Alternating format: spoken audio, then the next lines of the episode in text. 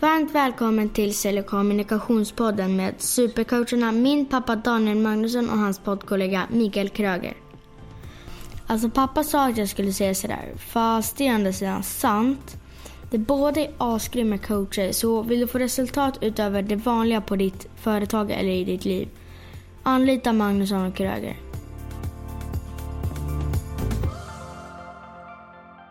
Det finns en berättelse om eh, vad som händer när vi faktiskt blir till.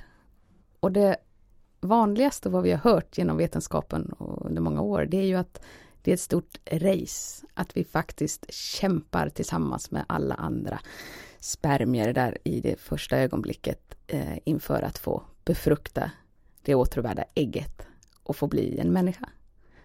Men nu finns det en ny berättelse om att det här inte är en tävling. Det är inte ett race där spermier armbågar sig fram som om de hade haft armbågar och faktiskt tävlar mot varann, utan det är ett samarbete. Det är ett samarbete som gör att den som är bäst lämpad för tillfället att få bli människa hjälps av de andra spermierna att nå fram till ägget. Och det här samarbetet leder till att det blir just den människan det blir. Skulle inte det vara en väldigt fin tanke att vi har kommit till världen genom ett samarbete av de som aldrig fick chansen?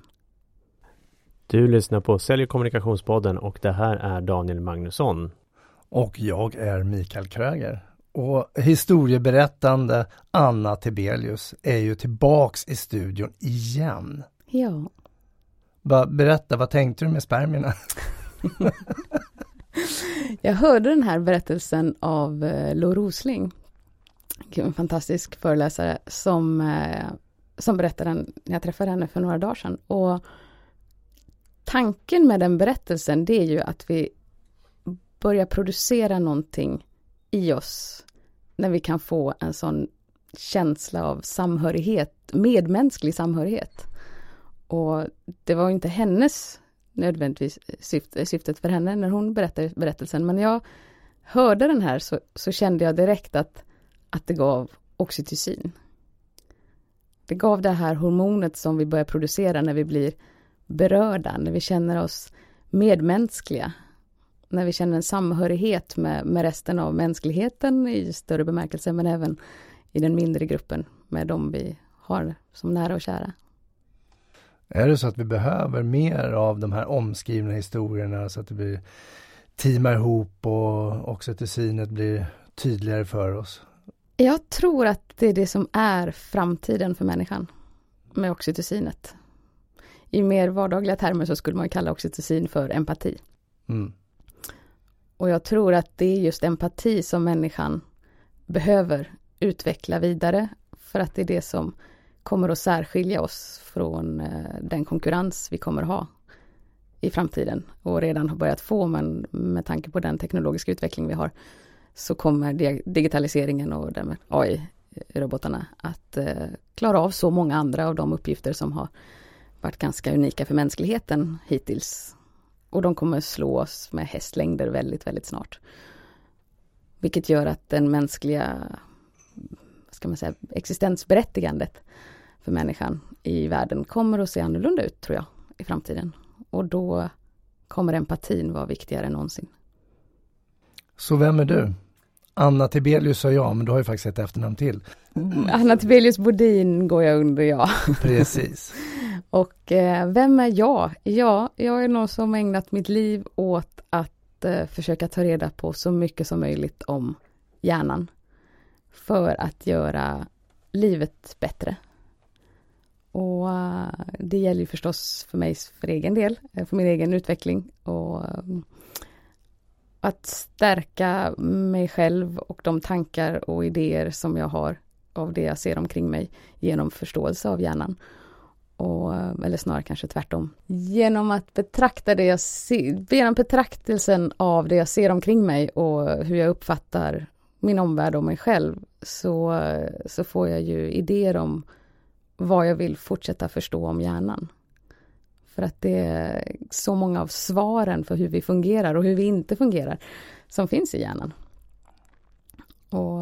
det har jag alltid intresserat mig för att ta reda på mer kring de här frågorna och då är det vanligare att man är knuten till något universitet eller att man eh, studerar det rent formellt med, med någon doktorstitel eller sånt där. Men eh, jag slutade den typen av, av, forskning för en 14 år sedan eh, när jag studerade på Harvard och fick de här människorna omkring mig som bara eh, inspirerade mig så enormt att, att tänka kring det här.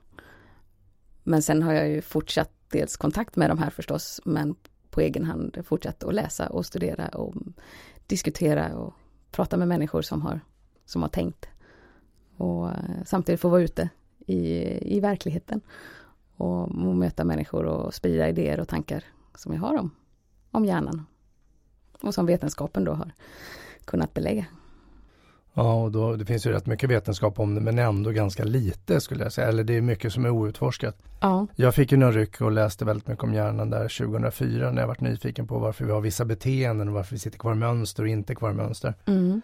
Hur jag själv kan påverka det. Och Mm. jag och bara att googla på hjärnan är ju fantastiskt och sen klicka vidare på alla de här länkarna som dyker upp och så mer och mer och mer till slut så inser jag att ju mer jag läste ju mindre fattade jag överhuvudtaget. Så Ja. då jag slog ihop och bestämde att jag skulle bli coach och titta mer på beteenden och sen koppla det till, Mm. till hjärnan då. då. Mm.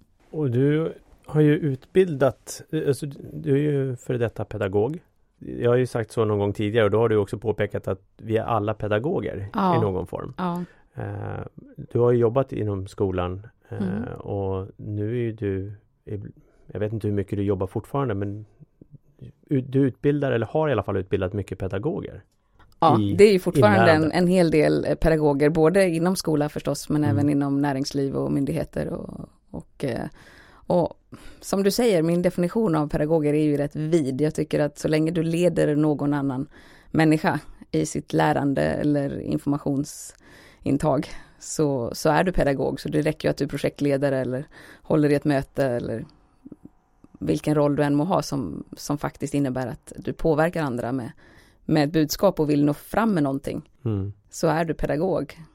Men det är ju ofta kopplat till lärarrollen egentligen om man säger pedagog. Ja, jag har ju insett att andra eh, ser det så. Ja. Mm. Eh, men eh, jag har en ganska vid eh, beteckning på vad, vad, en, eh, vad en pedagog skulle vara. Mm. Så vad, vad fick dig att gå ifrån att vara pedagog i skolan så att säga till att börja då utbilda? Därför att det här är så mycket större än bara skolan. Det här handlar ju om en hjärna som vi alla har, som inte har förändrats på en 40 000 år till sin grundstruktur. Eh, vilket gör att det här är inte någonting som berör oss bara de första åren i skolan. Det här är någonting som eh, påverkar oss genom hela livet. Och det påverkar arbetsplatser, det påverkar psykisk hälsa, det påverkar hur vi förhåller oss till varandra i familjen. Det påverkar oss, oss kanske som mänsklighet nu i allra högsta grad i hur vi hanterar de här eh, nya förutsättningarna vi får för livet. Mm. Ja, det är lite begränsande att sitta fast i, i en skolenhet och även om jag älskar att få göra skillnad i, i det lilla så Mm. vill jag ju komma ut och, och nå fler människor. Mm. För jag tycker det här är det viktigaste som finns. Mm. Jag har en son Mm. Jag har två söner Mm. men den äldsta eh, har vi precis fått reda på att hans arbetsminne Mm. eh, när det gäller att ta in det auditativa, alltså det ljud eller Ja. information muntligt i, i det här fallet då, Mm. är väldigt, väldigt begränsat. Mm. Eh, vilket gör att det blir utmanande att han, han stänger av till slut. Mm. Eh, och slutar lyssna helt enkelt. Och vad, hur, hur kan jag som förälder tänka då? Eh, Och det här gäller inte bara om det är auditativa eller om det är det visuella eller kinestetiska. Men, men i det här fallet är det auditativa. Hur kan jag som förälder tänka för att nå fram så att, att han tar in informationen och vad kan han tänka och hur kan pedagogerna i skolan tänka Mm. i sådana här fall? Det finns ju väldigt många olika områden som det här påverkar honom förstås. Ja, Eh, Men om vi tar ett område bara som att följa instruktioner ja, eh, så är det ju rimligt att tro att, att det kommer att vålla vissa problem för honom att, att ta flera instruktioner samtidigt. Och då kan man tänka att det är det väl för alla, var, varför skulle vi ge flera samtidigt? Men det naturliga är för de allra flesta när vi ger instruktioner att vi ger flera instruktioner samtidigt. Vi säger gå dit, gör det här, plocka med dig den och kom tillbaka. Det är liksom fyra steg. Mm. um, och att säga ett steg i taget är någonting som för de flesta blir en, en medveten ansträngning att, att tänka på att göra. Mm. Så att särskilt då ge muntliga instruktioner med en sak i taget. Mm. Och um, sen kan det här förstås stödjas upp med, med bildstöd då om det är just auditativ problem. Mm. Att, att hålla den eh, ljudloopen i huvudet ar rent arbetsmässigt. Så, så kan man ju stödja det här med, med visuella instruktioner. Mm. Att peka på vad det är som, eh, som ska göras eller ha en bild för någonting eller ha uppsatta visuella instruktioner på ytterdörren inför att man ska gå hemifrån eller vid matbordet eller bara någon liten bild Just som det. påminner. Liksom. Mm. Så och jag tänker på då, empati i inlärningsprocess då? Mm. Om man utgår ifrån vad, vad hjärnan har för förutsättningar överhuvudtaget att, att lära så krävs det någon typ av emotionellt engagemang för att vilja börja producera de hormon och signalsubstanser som vi behöver för att skapa nya kopplingar.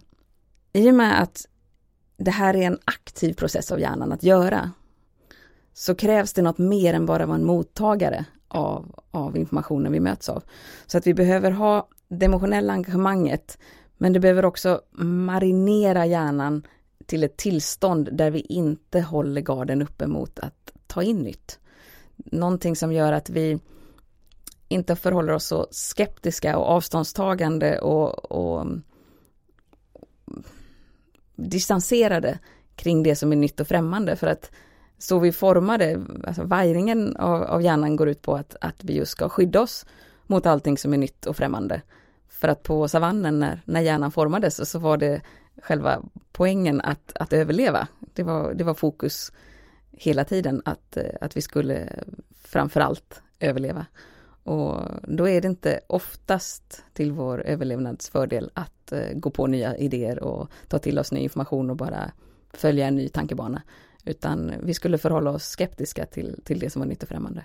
Och det är väl det vi kallar lite slarvigt för reptilhjärnan som var den första delen Eh, ja, den, är, den, spelar ju in eh, i det här, men det är ju även vår, vad vi kallar för prefrontala cortex, som är den här bromsen som, som sätter sig och är skeptisk till allting som är nytt. För den... Ska vi sätta en bild på den så skulle vi kunna säga att den sitter i pannan. Och så ja, pannben liksom. Det är innanför pannbenet. Ja, precis. Men den går ju att dra ner genom utmattning och lite annat. Men jag tänker ja. så här, jag är ju också väldigt nyfiken av mig. Mm. Eh, det kan ju vara en manipulation av mig själv då, och mm. eller min omgivning. Tänker ja. Att om det händer någonting som jag inte riktigt kan eller vet eller förstår att det är någonting som är nytt för mig. Så mm. Normalt sett så borde jag ju backa men då kan jag ju istället tänka så här, wow det här förstår inte jag. Hur ska jag kunna ta mig an det här? Alltså mm. att manipulera mig själv att bli mm. mer nyfiken kring mm. det. Men då är ju det för dig inte ska säga, då, då är ju påslaget av din nyfikenhet, det är dopaminet, det är belönande känslan du får av att faktiskt börja tränga dig in i någon ny idé och tanke och börja lära dig någonting nytt. Det är ju också en drivkraft för hjärnan. Vi är ju formade för lärande också. Låter väldigt nu motsägelsefullt, men, men det är vi ju också. Så att hjärnan har ju som uppgift att hela tiden förutsäga sin, sin framtid. För att det är också i vår överlevnadsintresse att ju, ju mer du kan förutsäga framtiden, ju bättre du kan förutsäga framtiden, ju bättre överlevnadschanser har du. Och med mer kunskaper så förutsäger du framtiden eh, mer korrekt. Så, så det ligger i hjärnans natur både att, att lära sig för att överleva, men också att inte vara för naiv och gå på vad som helst. Mm. Så det är de här, den här kampen som, som vi känner av. Och det är där hjärnan är så fantastisk. Jag, en fråga, eller påstående, jag har hört så här, att eh, alla beslut vi tar, alla beslut vi kommer ta, kommer vi ta utifrån en känsla. Och sedan, om vi då säger att känslan sitter någonstans i magen eller bröstkorgen eller var nu den sitter och sedan går vi upp i hjärnan för att rättfärdiga det. Vad skulle du säga då? Ja, jag är för hjärnnörd för att tycka att någonting eh, har något ursprung någon annanstans än i hjärnan. Eh, det sitter ju hela tiden i hjärnan som ju sen förstås ger en kroppslig reaktion. Eh, men det utgår ifrån vår, vårt limbiska system Eh, i hjärnan som sätter igång den här kropp, kroppsliga reaktionen eh, som, känns, alltså som är rent fysisk. Och sen har vi en annan del av hjärnan som hjälper till att tolka den kroppsliga reaktionen som gör att vi, vi tror oss ha fått en idé utifrån. Liksom. Eh, att det är något objektivt med situationen, att det är en, den är stressfylld eller den är spännande eller någonting. Men det är egentligen vår egen, vårt eget emotionella system som har talat om för oss genom den kroppsliga reaktionen som vi sen tolkar av hjärnan igen. Eh, för Lazarus eh, gjorde ju en forskning på det här och man pratar ju om det här med handling, tanke, känsla eller känsla, tanke, handling, vilken mm. ordning du ännu vill ha det i. Ja. Eh, men, men den blir ju rätt komplex. Jag, jag gillade ju när jag hörde den där att nej, men alla beslut tar på en känsla och sen så börjar vi liksom rättfärdiga. Men det kan ju mm. vara så att det är uppe i hjärnan. Mm. Mm. Ja, jag ville bara slänga ur mig den så här. Bara för att visa att jag också var duktig tänkte jag så här.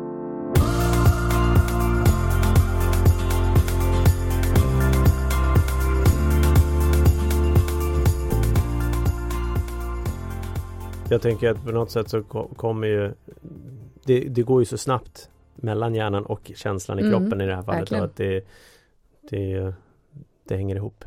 Ja, för reaktionen som eh, kan trigga igång då det här limbiska systemet, eller framförallt ja. vår amygdala i mitten av hjärnan, den går ju fortare än vi hinner uppfatta vad det är som gör oss stressade, rädda, ja. vad det nu kan vara. Eh, så att vi hinner inte förstå att eh, amygdala fick informationen först. Nej, nej. nej. Och men, men om vi säger det här med att, att ta ner den här äh, skeptismen mm. mot något nytt eller förändring. Ja. Äh, vad, vad, kan man göra där för att ta ner den då? Det är ju egentligen oxytocinet som har sin stora betydelse där. Okay. Skulle jag säga. Därför att den, den gör att vi för ett ögonblick tycker att det är viktigare att ta in nya tankar, idéer, öppna sinnet om vi ska säga. Mm. Eh, med sådana begrepp. Och när vi gör det så, så blir det, det, det blir viktigare än att skydda egot mot eh, alla hot som kan hota vår överlevnad.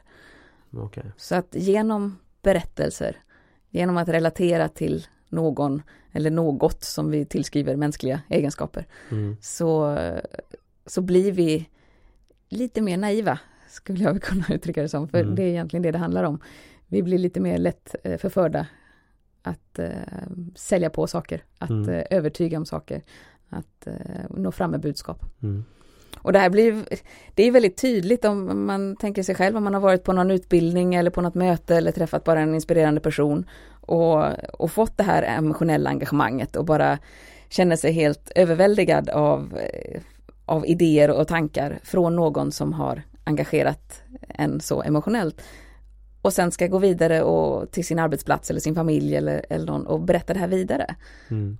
Och, och, förstår inte hur de inte kan bli lika övertygade, hur de inte kan fatta hur, hur faktiskt fantastiskt och, och bra det här var, utan de kommer med sådana här konkreta frågor som, som bara, men det går inte att förklara för att du kommer på dig själv att det tänkte du inte riktigt på i stunden att, att vara kritisk och, och tänka på dem, den typen av aspekter utan du, du var så förförd av sammanhanget att eh, du bara ville ju ta in allting. Och då kan det bli lite jobbigt när man då möter någon som, som mm. inte blev lika förförd. Och det var därför jag nämnde det här med som är utmattning.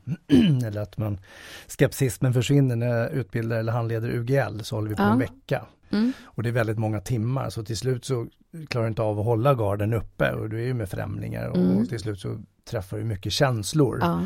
Och då blir den här veckan väldigt dynamisk och mycket känslor och sen kommer du ut i verkligheten direkt efteråt och så ska du då försöka förklara en hel utbildning för en familj som har varit utan det en vecka och, så, och, och då inträffar det här, precis mm. som du säger. Det går inte att ta emot. Vadå, hur kan du känna så här för människa som du har träffat en vecka? Hur kan du vara så nära en sån person? Och så vidare. Ja. Och då har det hänt väldigt mycket. Så att eh, det var där, där jag mm. menade det här med utmattning då kanske var fel ord. Men... Oxytocin kan du få vid berörelse såklart. Ja, I, både men, att man blir mentalt eller, ja. eller fysiskt berörd. Ja. Jag såg en, jag vet inte om det har med oxytocin att göra men jag tänker att det borde hänga ihop. Jag såg en, en eh, jag tror det var BBC som hade gjort någon, det var någon forskare på någon skola som hade då eh, testat, haft två testgrupper Mm. där han har först en varm dryck i en kaffemugg då. Och sen så möter han upp den här personen som man ska göra det här testet på och ber henne eller hon hålla i den här varma koppen. Mm. Medan han tar fram sitt klippbord i hissen och så börjar svara på lite frågor och så vidare. Så tar, tar han in personen i ett rum och eh, eh, lämnar personen och så kommer en annan person in Mm. och börjar då chitchatta lite där och svara på lite frågor. Och sen går den här personen ut då eh, och så kommer de tillbaka och frågar den här personen som håller den här varma koppen kaffe. Några frågor och sen en fråga. Skulle du anställa den här eh, som projektledare? Den du pratade precis med? Och de har precis pratat med den personen typ två minuter, tre minuter. Ja. Och de, och de som hade hållit i en varm kopp kaffe sa ja. Absolut, den verkar trevlig. Medan de som hade hållit i en, i en kall dryck med Mm. is Mm. var mycket mer skeptiska. Sa nej, det, Mm. det tror jag inte. På, på den här korta stunden, nej absolut inte. Så bara värmen då menar de på något sätt gör att du då blir mer öppen för saker. Jag Det är så jag tolkar det. Mm. Och det kanske också till synes som gör att, att när det blir varmt Ja, du får ju en kro- kroppslig reaktion, alltså en fysisk reaktion eh, Mm. i kroppen av att du håller i någonting som är varmt jä- jämfört Ja. med någonting som är kallt. Ja, Och det, det är ju den reaktionen som, som hjärnan då måste förknippa med, med situationen i sin helhet, det vill säga även mötet med den du möter. Och, och det är ju inte jättekonstigt att det, att det påverkar intrycket av den, den människan. För hjärnan kopplar ihop allting som händer samtidigt i tid och rum, Ja. även om det inte har med varandra att göra. ja, Och precis. den egna fysiska reaktionen har stor betydelse för vår tolkning av en situation. För jag tänker det också just att va- är det varmt, jag menar då kanske du slappnar av mer om man tittar på hur vi funkade förut. Det var kallt, då var vi tvungna att skydda oss på ett helt annat sätt Ja, mot väder och vind och jag vet inte. Ja. Det var intressant i alla fall just utifrån hur du kan eh, påverka någon väldigt subtilt Mm. eh, och väldigt omedvetet genom Ja. att bara ge varmdryck. Mm. Så det är ju bra med kaffe innan möten och sådär. kan du hålla i? Manipulation. Förlåt? Manipulation. Manipulation. Alltså. Ja, förstår. Så vad, vad gör du då? Du far ju runt land och rike och föreläser. Ja, Vad föreläser du om? Eller vad är till? det är lite olika spår. Nu är det väldigt mycket om vad jag kallar för den analoga hjärnan i den digitala tillvaron. Och då handlar det om hur vi förhåller oss till den här eh, verkligheten som vi lever i idag. Jag brukar hårdra det lite grann och säga sen 2007 när vi fick inte bara internet och, mm, och sociala medier utan dessutom tillgänglighet 24-7. Liksom. Eh, och de här tre i kombination har ju förändrat hur vi, hur vi lever.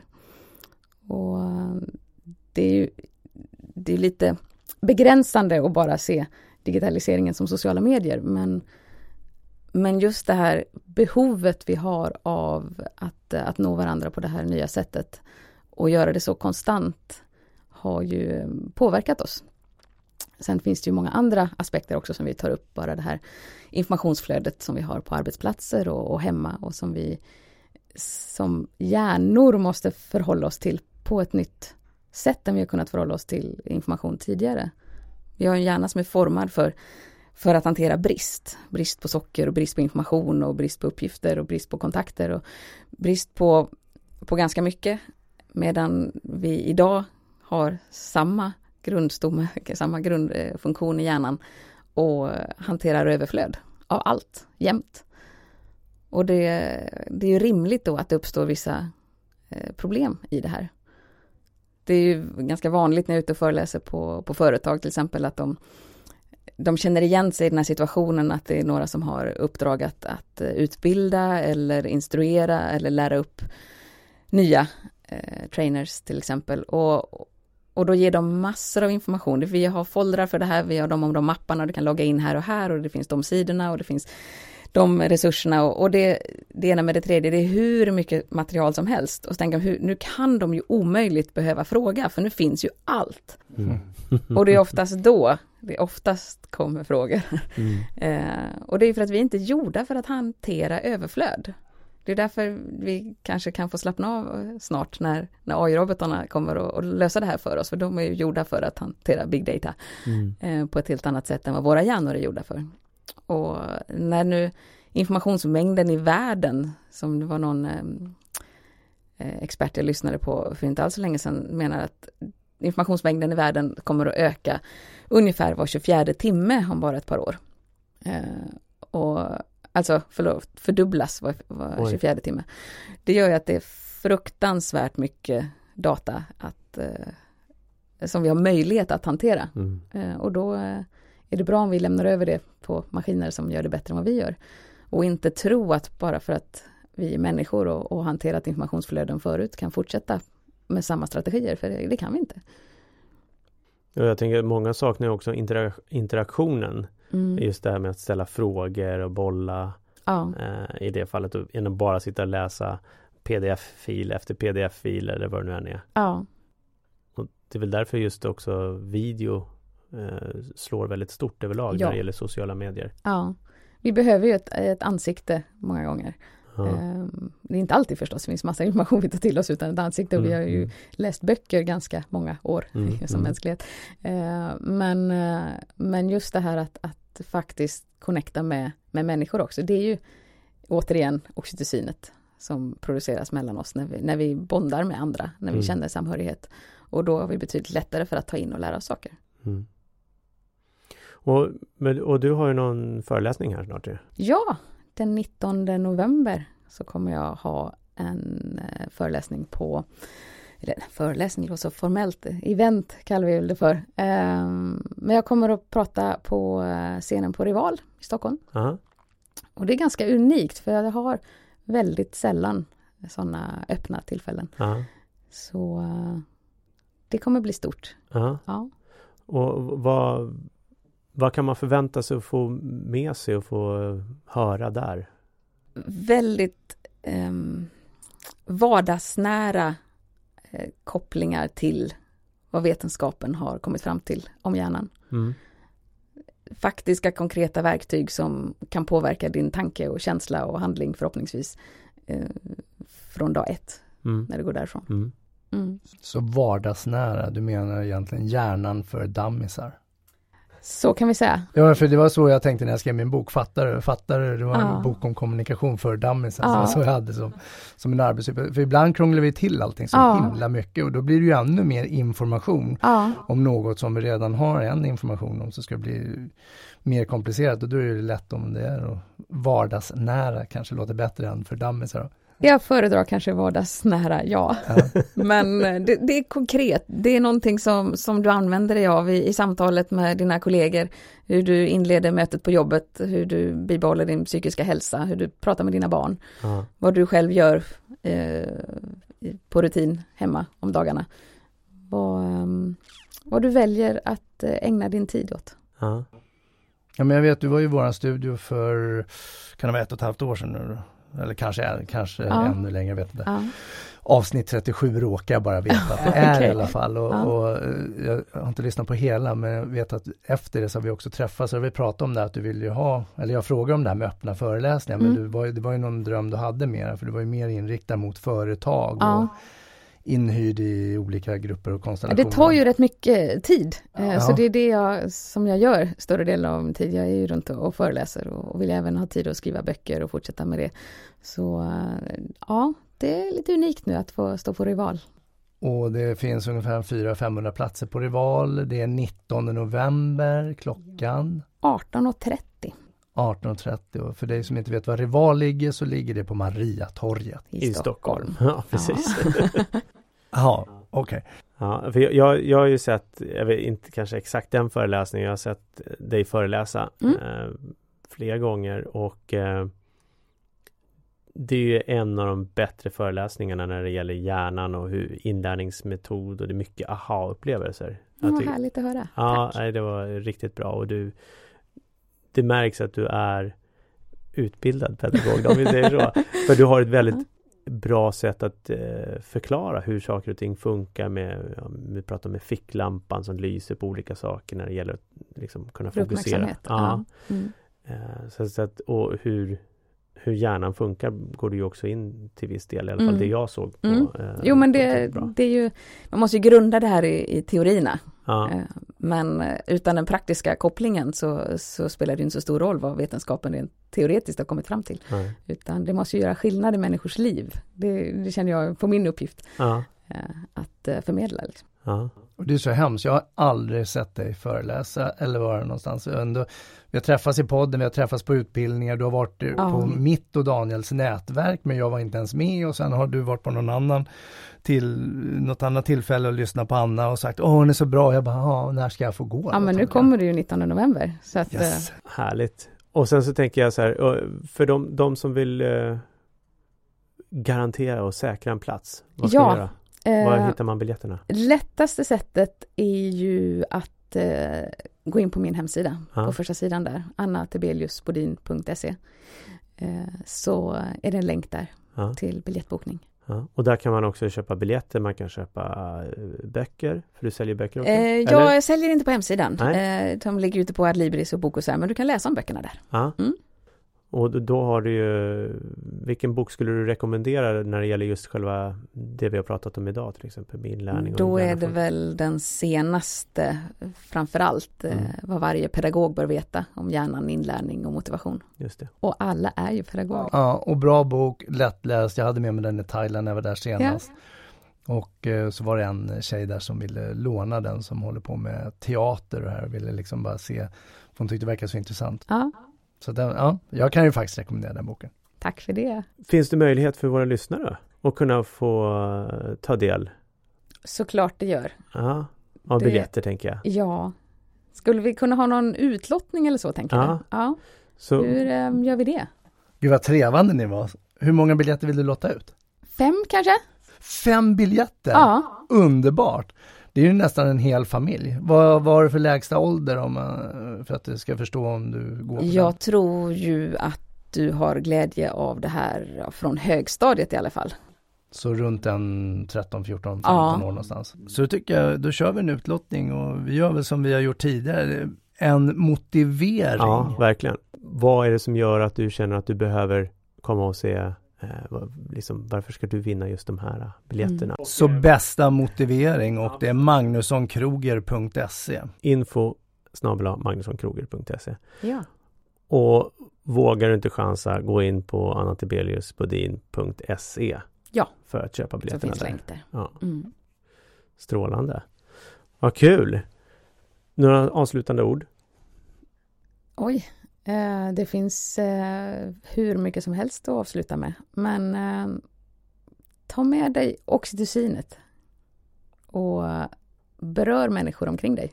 Se människor i ögonen och ge dem din odelade uppmärksamhet. Så kommer du både att producera mer oxytocin själv och bidra till att andra människor producerar oxytocin och vi får en mer empatisk värld. Mm. Tror jag. Och använda sig av storytelling då alltså. Ja, det är, det är ett bra verktyg. Mm. Och gärna sånt som jag har upplevt själv. Det kan det vara. Mm. Men det kan till och med vara någonting påhittat.